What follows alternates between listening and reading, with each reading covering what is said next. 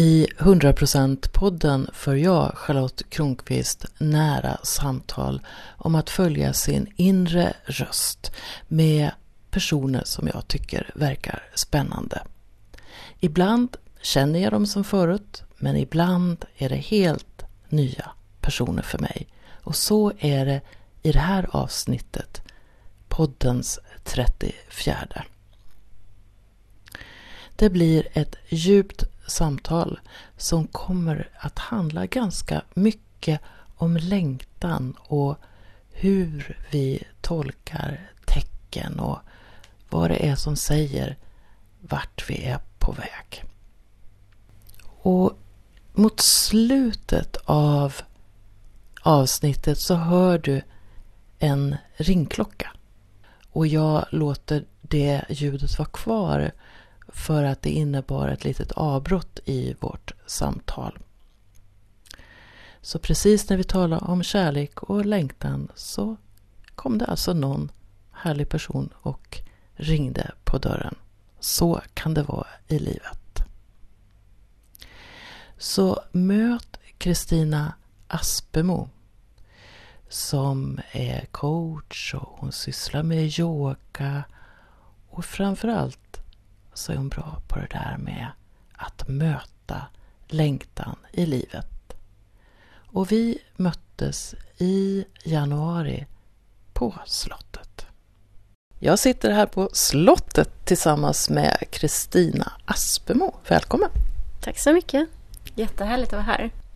Jag sitter här framför dig och det är ungefär tio minuter sedan du kom in genom dörren här på slottet och det är vårt första möte. Det här ska verkligen bli spännande. Ja, det ska det. Det känns i magen kan jag säga. Det pirrar. Och det är ju jättehäftigt att komma hit för vi har, jag har ju ingen aning om vad vi ska prata om och jag tror inte du heller har det. Och att bara få mötas så här eh, oregisserat.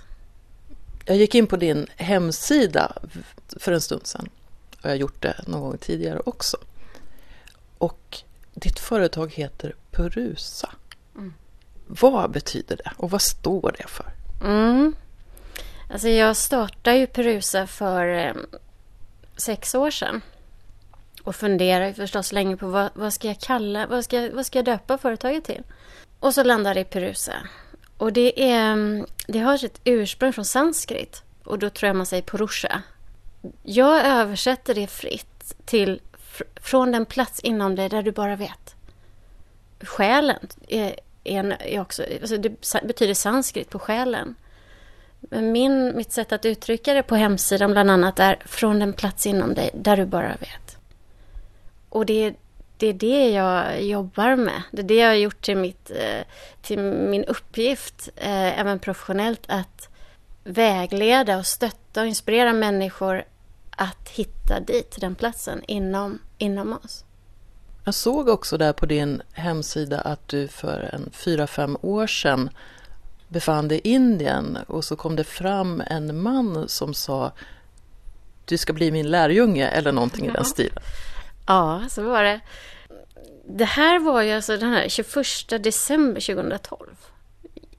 När Maya-kalendern tar slut? Ja, jag kan inte så mycket om Maya-kalendern, men jag vet ju att, alltså det jag vet är att det fanns, de, man satte ju för länge, många tusen år sedan, Maya-indianerna, ett datum att då börjar vi ett nytt tidevarv.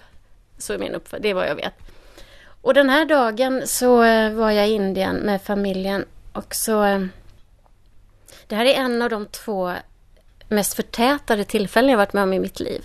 När jag har känt att den här platsen inom mig där jag bara vet faktiskt har talat jättetydligt till mig. Till mig. För jag, jag, gick, jag var på egen hand och gick omkring och jag tänkte jag går den här vägen för jag ville komma lite från huvudgatan och leta mig tillbaka till hotellet. Och så märker jag när jag går att jag kommer väldigt nära människors hem.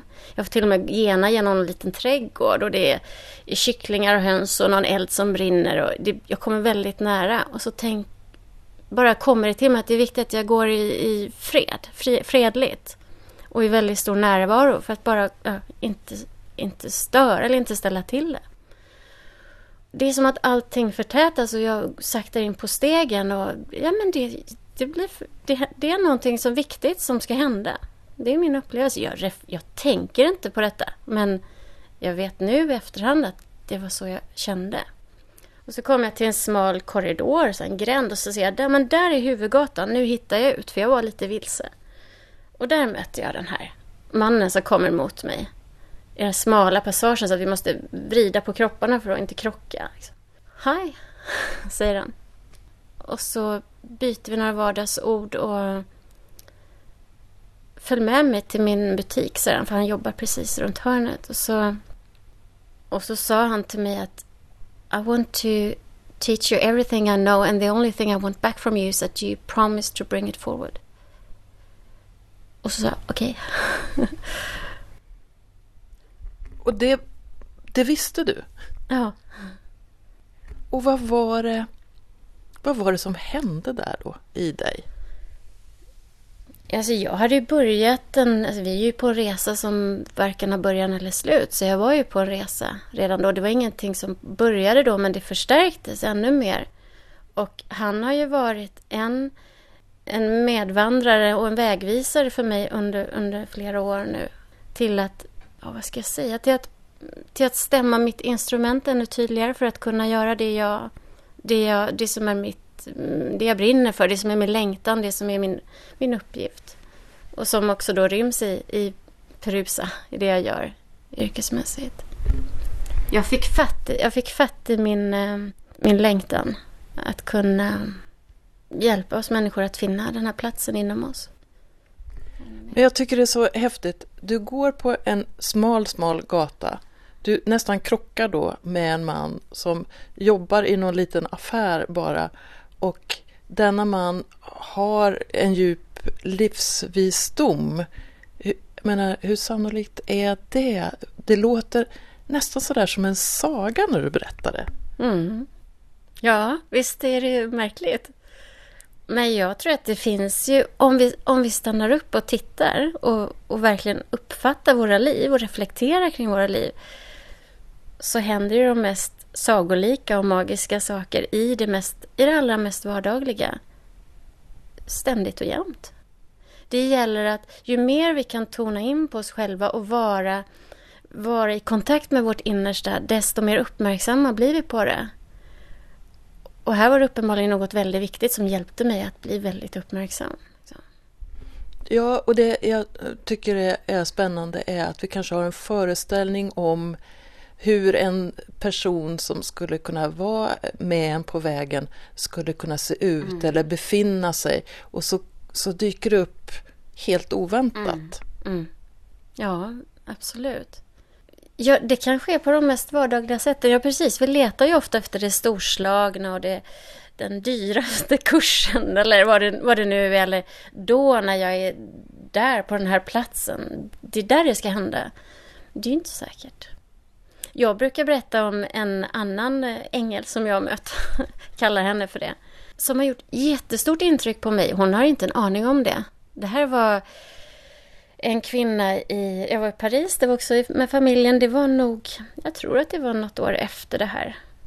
Ja, jag tror det. Det, det var för några år sedan efter den här Indienresan. Vi är i Paris och jag älskar Paris.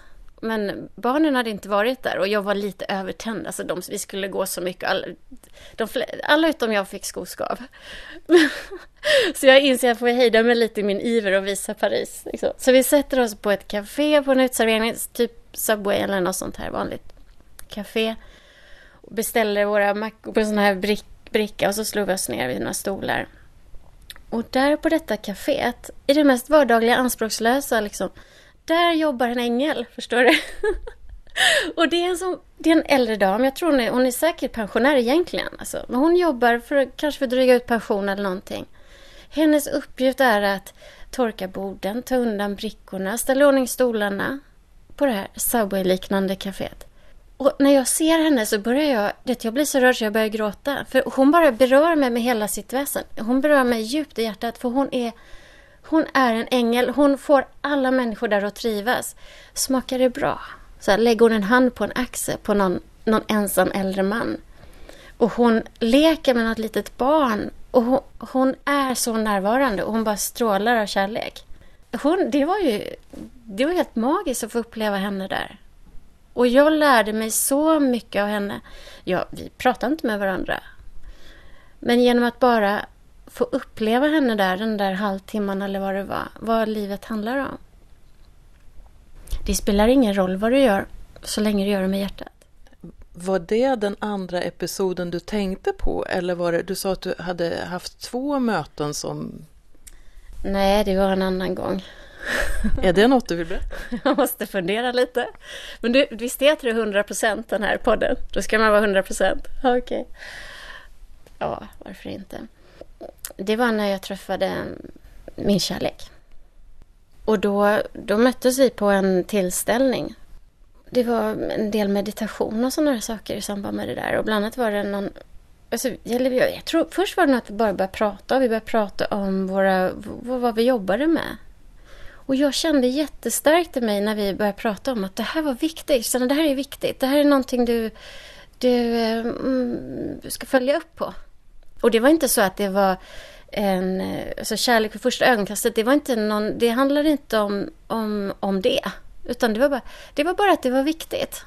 Att se vad det här var. Vem det här var och vad det innebar. Det var viktigt att vi möttes helt enkelt. Och sen eh, så lite senare där, vi bytte några ord, det var inte så mycket mer med det. Sen där senare så var det just någon meditation man skulle gå runt och mötas och så kramas. Bara en kort stund mötas så i närvaro. Och då hade jag en stickarkofta, och han hade en pin så här. Och då fastnade ju vi i varandra. Och det blir så här jätte... Vid hjärta till hjärta så här. Liksom. Och hur trasslar man ur sig det här? Och det blir, det blir väldigt nära och lite så här, Ja. Så det var ju också, en, tänker jag, ett, ett tecken. Att eh, kolla upp det här. Det är faktiskt det andra, andra tillfället jag tänkte på.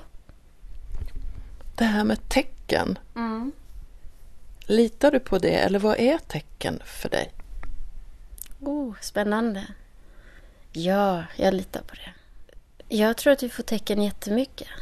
Och ju, jag, jag har ett, eh, en, ett, en devis som jag bestämt mig för att leva utifrån. Och den handlar om, om det kan man säga. Där jag säger att, eh, brukar formulera mig så att min, min längtan har fört mig hit. Och jag litar på att den kommer visa mig vägen framåt. Min längtan har fört mig hit och jag litar på att den kommer att föra mig framåt. Ja, visa. Så det jag egentligen då i varje given stund, det enda jag egentligen behöver ha koll på, det är min längtan. Är det här ett ja? Eller är det nej? Så att är jag, om jag upp, möts av någonting, om det händer någonting, om jag, ett tecken, om man kan kalla det för tecken, om det är någonting i mig som säger ja, då går jag dit. och det är jätteläskigt ibland och, det, och så. Men eh, det är vad jag försöker att leva efter. Det är ja, i varje given stund. Och då blir det så mycket lättare för då behöver inte jag alltid planera och styra upp och kontrollera och tänka ut och dut, dut, dut, så. Och då blir det lättare att vara människa. Jag, jag känner igen mig en del i, i det du säger. Och jag är ju sån som håller på mycket med kroppen. Jag tycker ja. att kroppen är viktig. Och då funderar jag på det här, de här tecknen. Det jag hör du, du säger det är att det kommer någon form av ja. Mm. Så dels är jag nyfiken på det, men sen är jag också nyfiken på för det kan man säga, ja, men ska jag gå åt höger eller vänster och så är det någonting i dig som säger att jag ska gå. Mm. Men det här när du och din blivande kärlek liksom fastnade mm. i varandra där mm. så är det ju någonting yttre. Mm. Att det är någonting du ser eller någonting som sker. Det är ju ett annat slags tecken. Skulle du kunna... Ja, nej men, ja det där var ju spännande. Då tänker jag så här, eh, hur jag tolkar din fråga eller hur jag ser på det. Ja, alltså längtan kommer djupt inifrån. Från den, den, plats inom oss där vi bara vet, det är ju djupt inom oss. Det finns ju en stort sorgligt missförstånd i vår, i, vår, i vår västvärld där vi tror att i huvudet där ryms visheten. Men att hitta den här djupa visheten, den här resonan, den djupa resonansen i sig, det är ju att handlar väldigt mycket om att släppa huvudet, det intellektuella och verkligen ta plats i hela sin existens, i hela sin kropp. Att leva i djup samklang med sitt innersta, där längtan ryms, ska jag säga. Det är också att koppla upp sig mot det är också det, det är vägen in i det allra, allra innersta i mig, men det är också porten eller öppningen till, eh, till hela universum. Det är en djup andlig resa. Hur jag väljer att prata om det här, det beror på i mitt jobb till exempel. Det, beror, det handlar om att möta var och en där man är. Men om jag skulle, om jag skulle prata 100% från mig så handlar det, är, är det en djup andlig resa. För att där, när jag är i kontakt med mitt innersta, där, där, är jag, där kan jag också möta oss alla. För vi alla kommer från den platsen. Jag lägger märke till hur du, hur du när du pratar om det här så rör du vid ditt hjärta. Mm. Är det en tillfällighet? Nej, det tror jag inte. Nej. Att sätta, att sätta händerna, handflatorna och bara sätta dem på, på hjärtat och sluta ögonen och känna. Ja, där finns det. Där är vi. Där är vi. Jag brukar... Vi pratar om i, i samhället det finns, ju en, det finns ju en stor längtan efter att, apropå längtan då, längtan efter någonting mer. Är det inte mer än så här? Skulle jag säga. Och så är ju ett sådant här nyckelord som vi får lära oss att ja, närvaro, det är bra. Så. Och så tyck, hör, hör man ibland men närvaro, det heter väl härvaro? Så blir det en intellektuell diskussion kring vad närvaro är. Och så slog det mig, för det var inte så länge sedan när jag verkligen kände in på vad, vad är närvaro? Så är det att vara nära. Det är det vi säger. Närvaro. Vara nära. Vad är att vara nära mig själv? Det är ju att liksom verkligen komma nära. När jag lägger händerna på mitt hjärta så här. Ah, just det. Det är att våga bli, vad ska man säga, våga bli eh, intim med mig själv. Att, att känna när jag lägger händerna på mitt hjärta så tar jag ett djupt andetag. Och så andas jag ut. Där. Där är närvaro. Mitt liv är så här, Kristina, att när du söker ord nu, när du sökte ordet, så säger jag inuti mig intim, var intim med sig själv, mm. intimitet och sen så säger du det ordet. Mm. Ja, du sa det tyst i dig själv. Ja, du ser. Det är det här med, alltså när vi, är, när, när vi kommer till närvaro plötsligt så börjar vi prata med varandra utan att vi vet det. det alltså vi kan ju inte, vi vet, det vi vet är att vi, människan är inte skapad av människan. Det är klart att det finns oändligt mycket som vi inte förstår eller råder över eller kan styra och kontrollera. Så ju mer jag kan slappna av och gå in i tillit, släppa yttre kontroll och struktur, allt det här, desto mer öppnar jag ju upp för, för en djupare intelligens som är oändligt mycket djupare än den vi människor kan styra och råda över. Och plötsligt så, ja, så säger du någonting till mig utan ord och jag, vi pratar med varandra på det sättet. Ja. För mig blir det mer och mer så att det är någonting jag ska säga men det kommer inte från mitt huvud mm. utan det är bara, jag kallar det för min inre röst som mm. säger nu ska du säga det här och väldigt ofta förstår jag inte varför jag ska säga det. Mm. Och det är ofta saker som den jag kallar min inre domare säger. Nej Charlotte, du får inte säga det där.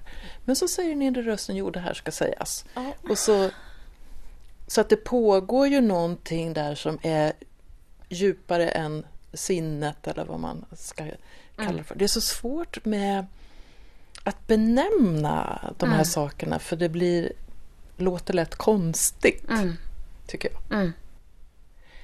Men du, tecken då? De här mm. yttre tecknen är, är jag nyfiken på. Jaha, vad vill du? jo, men jag, alltså, när ni fastnade där i varandra, jag, jag tänker att ett tecken kan vara att, jag ska ta ett exempel. Jag flyttade hit till Stockholm i samband med en skilsmässa för drygt ett år sedan. Och så när jag kom hit så överallt så såg jag hjärtan. Mm. Det var hjärtan hjärtan i snön och det var hjärtan i löv och det låg hjärtan och jag fick hjärtan i kaffe och så. Mm. Och då kändes det som Charlotte, du är buren på något Ja, sätt. fint. Det kommer, det, jag, jag kom på ett tecken som jag var med om alldeles nyss när, när jag gick hit. Och det var, jag har tittat, igår, eller jag har inte faktiskt inte tittat färdigt, men det går någon, en dokumentär på SVT Play nu eh, där Katarina Taikon berättar om sitt liv. Hon är ju helt, det är ju helt fantastiskt vad hon har åstadkommit och hur hon brann för att, att verkligen förändra då senare, som man sa då, deras liv och förutsättningar. Trots alla sina svårigheter, hon blev bortgift när hon var 13 år och hon fick rymma från, från det äktenskapet, så gick hon in med alltså, hela sitt hjärta i och stred för romers rättigheter. Att barn, romska barn ska få gå i skolan. Och eh, jag har en liten bit kvar på den där en och en halv timmes dokumentären, men den är ju jättefascinerande. Så att hon, henne har jag umgåtts med i mina tankar, alltså i min, min, min, min existens senaste, sen igår eftermiddag. Och när jag sitter på ett, ett café precis, och packar ihop för att gå hit till dig alldeles här i närheten. Då kommer en kvinna, med, hon, en romsk kvinna, med jättelångt vackert kolsvart hår, det var så här blankt. Och så en stor svart sån här kjol. Och, precis utanför eh, för kaféfönstret. Det var bara glasväggen mellan oss. Och så tänker jag, ja. Det som, är, det som finns i mig och det som, eh, det som pågår i mig, det, det, det tar sig uttryck i det yttre. Jag tror inte det är någon tillfällighet. Så ditt inre spe, eh, blir speglat också i din yttre värld Mm. på något sätt. Och det kan vara någonting, någonting som vi visa, hjälpa mig att se att, att, eh, hon, att, jag, att det finns något viktigt att lära av, av, av Katarina Taikon eller den romska kvinnan. Eller. Det är på samma sätt som våra drömmar ger oss jättemycket tecken. Om vi verkligen lyssnar. Ju mer vi kan vara i närvaro, vara nära, vara intim, ju mer vår stumhet får luckras upp. För man kan säga att brist på närvaro är ju en, det är någon slags stumhet. Ju mer vi kan vara i närvaro, ja, desto mer uppmärksamma kan vi ju vara för det subtila. Så. När det kommer människor till dig av något skäl, vad är det de söker då? Jag har ju många klienter i samtal. Det kan ju vara, det är ofta skulle jag uppleva att det handlar om eh, att man är i förändring, i yttre förändring. Att man kommer till ohållbara situationer.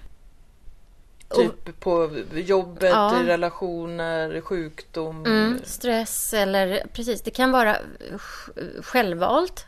Eller att man kommer säga, jag måste, jag vet, jag vill inte ha det så här längre. Jag vill hitta ett nytt jobb. Eller eh, min man har lämnat mig, jag håller på att gå under. Eller jag är så stressad, jag måste lära mig att bli bättre på att hantera stress. Så. Jag har en favoritfråga. Och vad handlar det om egentligen? All eh, hållbar förändring eh, sker inifrån och ut. Så om jag, om man, om jag har en klient som säger att jag vill hitta, jag vill, jag vill veta vad jag vill, ska jobba med, jag vill hitta ett annat jobb. Så vill ju jag göra det, alltså, vi kan ju prata om, okej, då ska vi söka nya jobb och hur gör man då och skriva CV och så, men först verkligen gå och se, vad, vad är det, vad är, det, vad är det som ger mig mening? Vad är, det, vad är ett jobb för mig och hur kommer jag till min rätt? Alltså, gå bortom rollen, möta sig själv bortom rollen. För att därifrån fånga upp sig och låta det få ta form i det yttre. När, när jag väl har hittat det, det som är nycklarna i mitt, mitt inre så att säga. Det där kan ju vara lätt att säga men svårt också. Jag brukar ju säga att, att jag för säg, 17 år sedan ställde mig frågan, men vem är jag? Mm. Och jag vet fortfarande inte, men jag är förvirrad men på en högre nivå Ja, idag. Så det är ju bland de svåraste frågor man kan ställa. Mm. Och har man levt på andras villkor eller har ett jobb som ens pappa tyckte att man skulle ha, då kanske det tar en lång stund att ens veta vad längtar jag efter. Ja, den frågan är inte så lätt. Jag tänkte så här Charlotte när jag skulle komma hit. För man kan inte låta, jag kunde inte låta bli att försöka få lite kontroll och förbereda mig lite i huvudet. Så tänkte jag så här, Charlotte kommer nog fråga så här, vem är du? Så tänkte jag, åh vad jobbig fråga. Så tänkte jag, vad säger jag då? Och så så, det här var min... så här gick mitt samtal som jag nu avslöjar här. För dig. Vem är jag? Den frågan är... Det, alltså, jag, jag skulle kunna säga så här, okej, okay, nu har inte du frågat vem jag är, men jag skulle säga, ja, jag heter Kristina Aspemo, jag är 45 år, jag driver ett eget företag, mitt Prusa då, det vet du redan, eh, och har två barn, och så skulle jag kunna berätta saker om mig på det sättet. Och så kan ju jag möta en klient också. Vi pratar om, okej, okay, nu jobbar du med det och nu vill du jobba med det här och så vidare. Men här kanske jag svarat på en annan, lite djupare nivå då vem jag är. Ja, men jag är en kvinna som har valt att följa min längtan. Alltså jag tror att det finns väldigt många bottnar i den där frågan och det, är ju, det handlar ju om att, väldigt mycket om att skala av yttre förväntningar av vem man är och vem, alltså möta sig själv bortom rollen av si eller så. Och det kanske är så här, vem är jag? Ja, det kanske jag... Det kanske är... Det kanske är skälet till varför vi alla lever. Det finns ett uttryck som heter koan. En, det är en fråga som egentligen inte finns något svar på. Mm. Och som jag ser, om man ser djup på frågan, mm. vem är jag? Så är det en koan. Mm. För man kan meditera över det hela mm. livet. Mm. Och ibland ställer jag den frågan. Men så har jag kommit på, eller ibland känns det så här som att den frågan är väldigt intim. Ja, om man väljer att gå dit. Det är inte så intimt att säga att jag är 45 år. Ja, det kan vara lite, man kan ju önska man vore något annat. Men, alltså, Nej, men, men att verkligen gå till sitt hjärta, gå till sitt innersta. Liksom, och eh, uttrycka vem är jag, då blir den ju... Om jag verkligen går till närvaro, då kommer jag i kontakt med det intima. Det som jag på ett sätt tycker är intimt också mm. är att hur du besvarar den frågan säger en del mm. om dig själv och hur mm. trygg du är i dig själv. Mm. För ibland kan det finnas en koppling mellan att dra sitt CV mm. och otrygghet eller en vilja att ha en mask. Så på det sättet avslöjar man en del om sin, sin relation till sig själv. Och det är en slags intimitet ja. fast på ett subtilt plan. Alldeles sant, jag håller med dig. Ibland brukar jag prata om, det kanske är svårt om man inte kan, skulle vilja rita egentligen, men livet ur två dimensioner, livet ur en horisontell dimension, en tidsaxel. Och livet ur en vertikal dimension som, är, alltså, som skär rakt igenom den där tidsaxeln. Och om man tittar på livet ur en horisontell dimension, tidsaxeln, så finns det ju en dåtid och en framtid och där lever vi. Liksom. Vi lever vårt liv i en tidsdimension. Så. Där vi åstadkommer saker som människor, vi gör och vi presterar och vi, vi tänker och utvärderar bakåt och planerar framåt och så vidare. Vi agerar i en mängd olika roller. Jag som mamma, jag som chef kanske, jag som granne, jag som ordförande i bostadsrättsföreningen, vad det nu må vara vi har ju en, alltså i vårt västländska samhälle har vi en förkärlek åt att värdera det här. Den här dimensionen av livet. Att prestera, att åstadkomma, att så ja, ha koll. Men det, det blir om man tittar på en sån bild så blir det ganska platt. Det finns att, att möta sig själv mer på djupet. Ja, det handlar väl mycket om att man kan säga, då gå in, möta sig själv bortom rollen, i den mer vertikala dimensionen. Vem är jag bortom rollen som det eller det? Det är det som... Jag ska säga, det, det är den, den dimensionen som, som är den riktigt spännande och som handlar om att bli mer intim med sig själv eller att komma mer i djupare kontakt med sig själv. För ju mer jag, ju mer jag får fatt i mig själv i den dimensionen så att säga, desto, mer, desto tryggare blir jag ju. Där odlar jag min självkänsla. Och då kan jag ju använda den tryggheten och inte så att jag ska avstå från att prestera och åstadkomma mina roller, för det ska ju hedras. Det är, ju vi här för att, vad skulle hända om ingen, ingen hade någon roll, yrkesroll till exempel. Men om jag kan göra det från en annan närvaro, då kan jag också vila mycket mer och behöver inte bygga upp yttre faktorer som skapar trygghet, utan jag kan ha det, bära det mer i mig. Vad gör du konkret för att komma mer i kontakt med den vertikala i dig? alltså, vi var lite inne på kroppen förut. Våra tankar kan ju leda oss, vill ju hela tiden leda oss framåt och bakåt, upp och ner och så vidare. Men kroppen är ju alltid här. Så om du tänker dig den här, den här bilden som jag försökt beskriva, så den, det blir som ett kors. Så kan man rita en gubbe mitt i det där.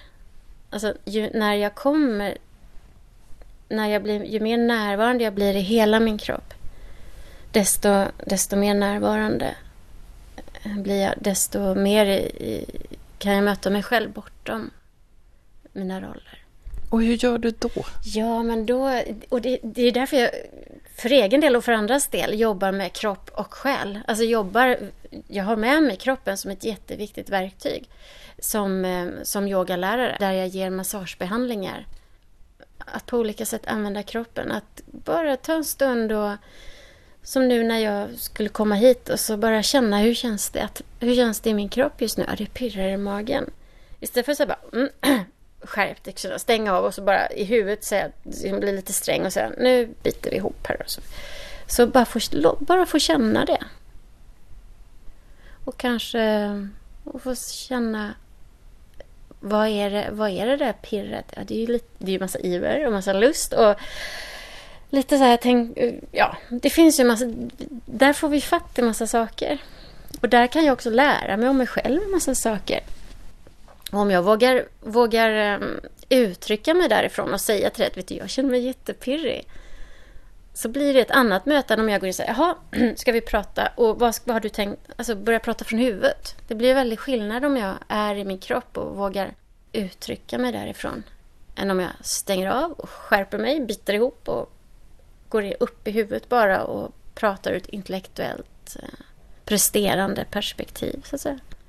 Om vi tar från Kristinas kropp då. Ehm, jag ser ju eh, mig själv som att jag är här för att sprida kärlek och sprida ord om, om kärlek. Mm. Vad är kärlek för dig? Oh.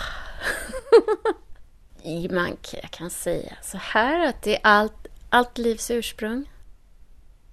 Eh, någonting annat jag brukar säga är att allt som inte är kärlek är ett missförstånd. Säg lite mer om det. För mig, kärlek, börjar i den här änden, är... Kärlek är där det finns lust och liv och expansion, nyfikenhet och längtan och spontanitet. Och där det finns ett ja. Och när jag säger att det är allt livs ursprung, vi kommer därifrån, så jag tittar på ett litet barn som eh, lever extremt mycket i sin kropp som inte har fastnat i presterar eh, ambitioner eller liksom så, utan bara är. Det är därifrån vi kommer. Sen händer det saker i våra liv där vi där det gör ont på olika sätt, där vi inte fullt ut blir mötta. Och där vi, för att överleva, stänger av en bit av vårt hjärta eller vår liksom, kontakten med det här ursprungliga naturliga som är kärlek. Och så stänger vi in det lite grann för att överleva och det är ju väldigt... Det är ju, det är ju, det är ju fint att det funkar så för vad skulle, annars skulle vi kanske inte överleva. Liksom. Men det är ju egentligen ett missförstånd. Det är ett försvar som vi byggt på för att inte såras. Men det är också det som det är också det som håller oss borta från kärleken. Så att vägen att bli mer levande, att få mer kärlek i dess vida bemärkelse. Få, upp, få mer tillgång till livet, till sig själv. Är ju att möta det som, som gjorde att jag en gång stängde till. Liksom. Bli sårbar. Ja. Man kan tycka att leva i sitt hjärta. Det är så rosa och gulligt och flummigt och så. Men det är ju det det är ett gediget arbete. Alltså det, det, är ju att möta det som också gör ont. Det kräver massor av mod och tålamod och alltså ett dedikerat arbete. När är det svårt för dig att vara i kärlek i förhållande till dig själv? Oj.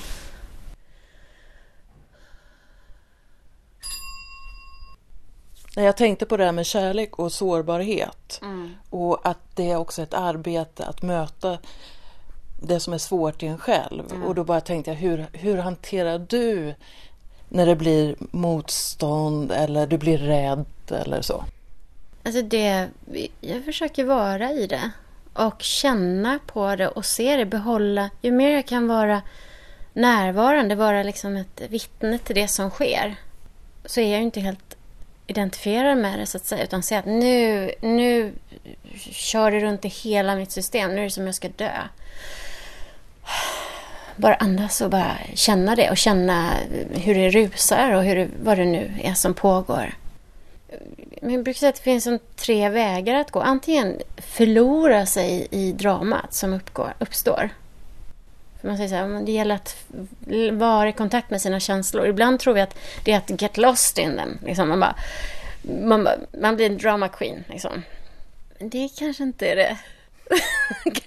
jag har testat det kan jag säga. Det brukar inte funka så bra. Eller så stänger jag av. Nu skärper jag mig och så bara, nej, jag är inte rädd. Eller ja. så. Eller så går jag till den tredje vägen, som det jag försöker göra. Det kräver sinnes, sinnesnärvaro. Alltså att vara när, närvaro är vägen till, att, till läkning. Och blir vittne till det. Kämpar varken emot eller förlorar mig i det, utan... Så. Det jag också kan göra... Alltså jag älskar ju att vara i kroppen. Jag tar hjälp av min kropp. Att kanske bara sträcka ut och bara gäsp. Alltså, när, jag, när jag leder yoga så pratar jag om suckar och gäspar och där försöker liksom release, release it. För det är ju som en anspänning som bara usch, rusar genom kroppen. Djuren vet ju det här. De tänker ju inte. De gör ju så. Skakar av sig liksom spänningen och så är det borta. De, fång, de lagrar ju inte lika mycket, mycket sån här rädsla eller spänningar i sin kropp. Så vi behöver helt enkelt träna på att släppa taget ja. rent fysiskt? Ja. Om vi tänker oss att någon person lyssnar på det här som hör de där ordet om längtan men som inte har en susning om det. Mm. Vad skulle kunna vara en första liten åtgärd eller kanske någon vana som den personen kan börja med som kan vara enkelt som ett första steg för att gå i riktningen mot sin längtan. Vad föreslår du då? Alltså det finns ju ehm, när vi är väldigt, när vi är uppe i varv, när vi är an, i anspänning, när vi är ständigt sysselsatta och fixar och donar. Du, du, du, där, får vi, där, där får vi ju inte fatta det där, skulle jag säga. Så att, att, att finna stunder för avslappning. Det finns något sånt här uttryck att avslappning är vägen till själen. Avslappning är vägen till längtan. Att hitta olika sätt att, eh, att slappna av. Eh, är, tror jag är en jättebra början.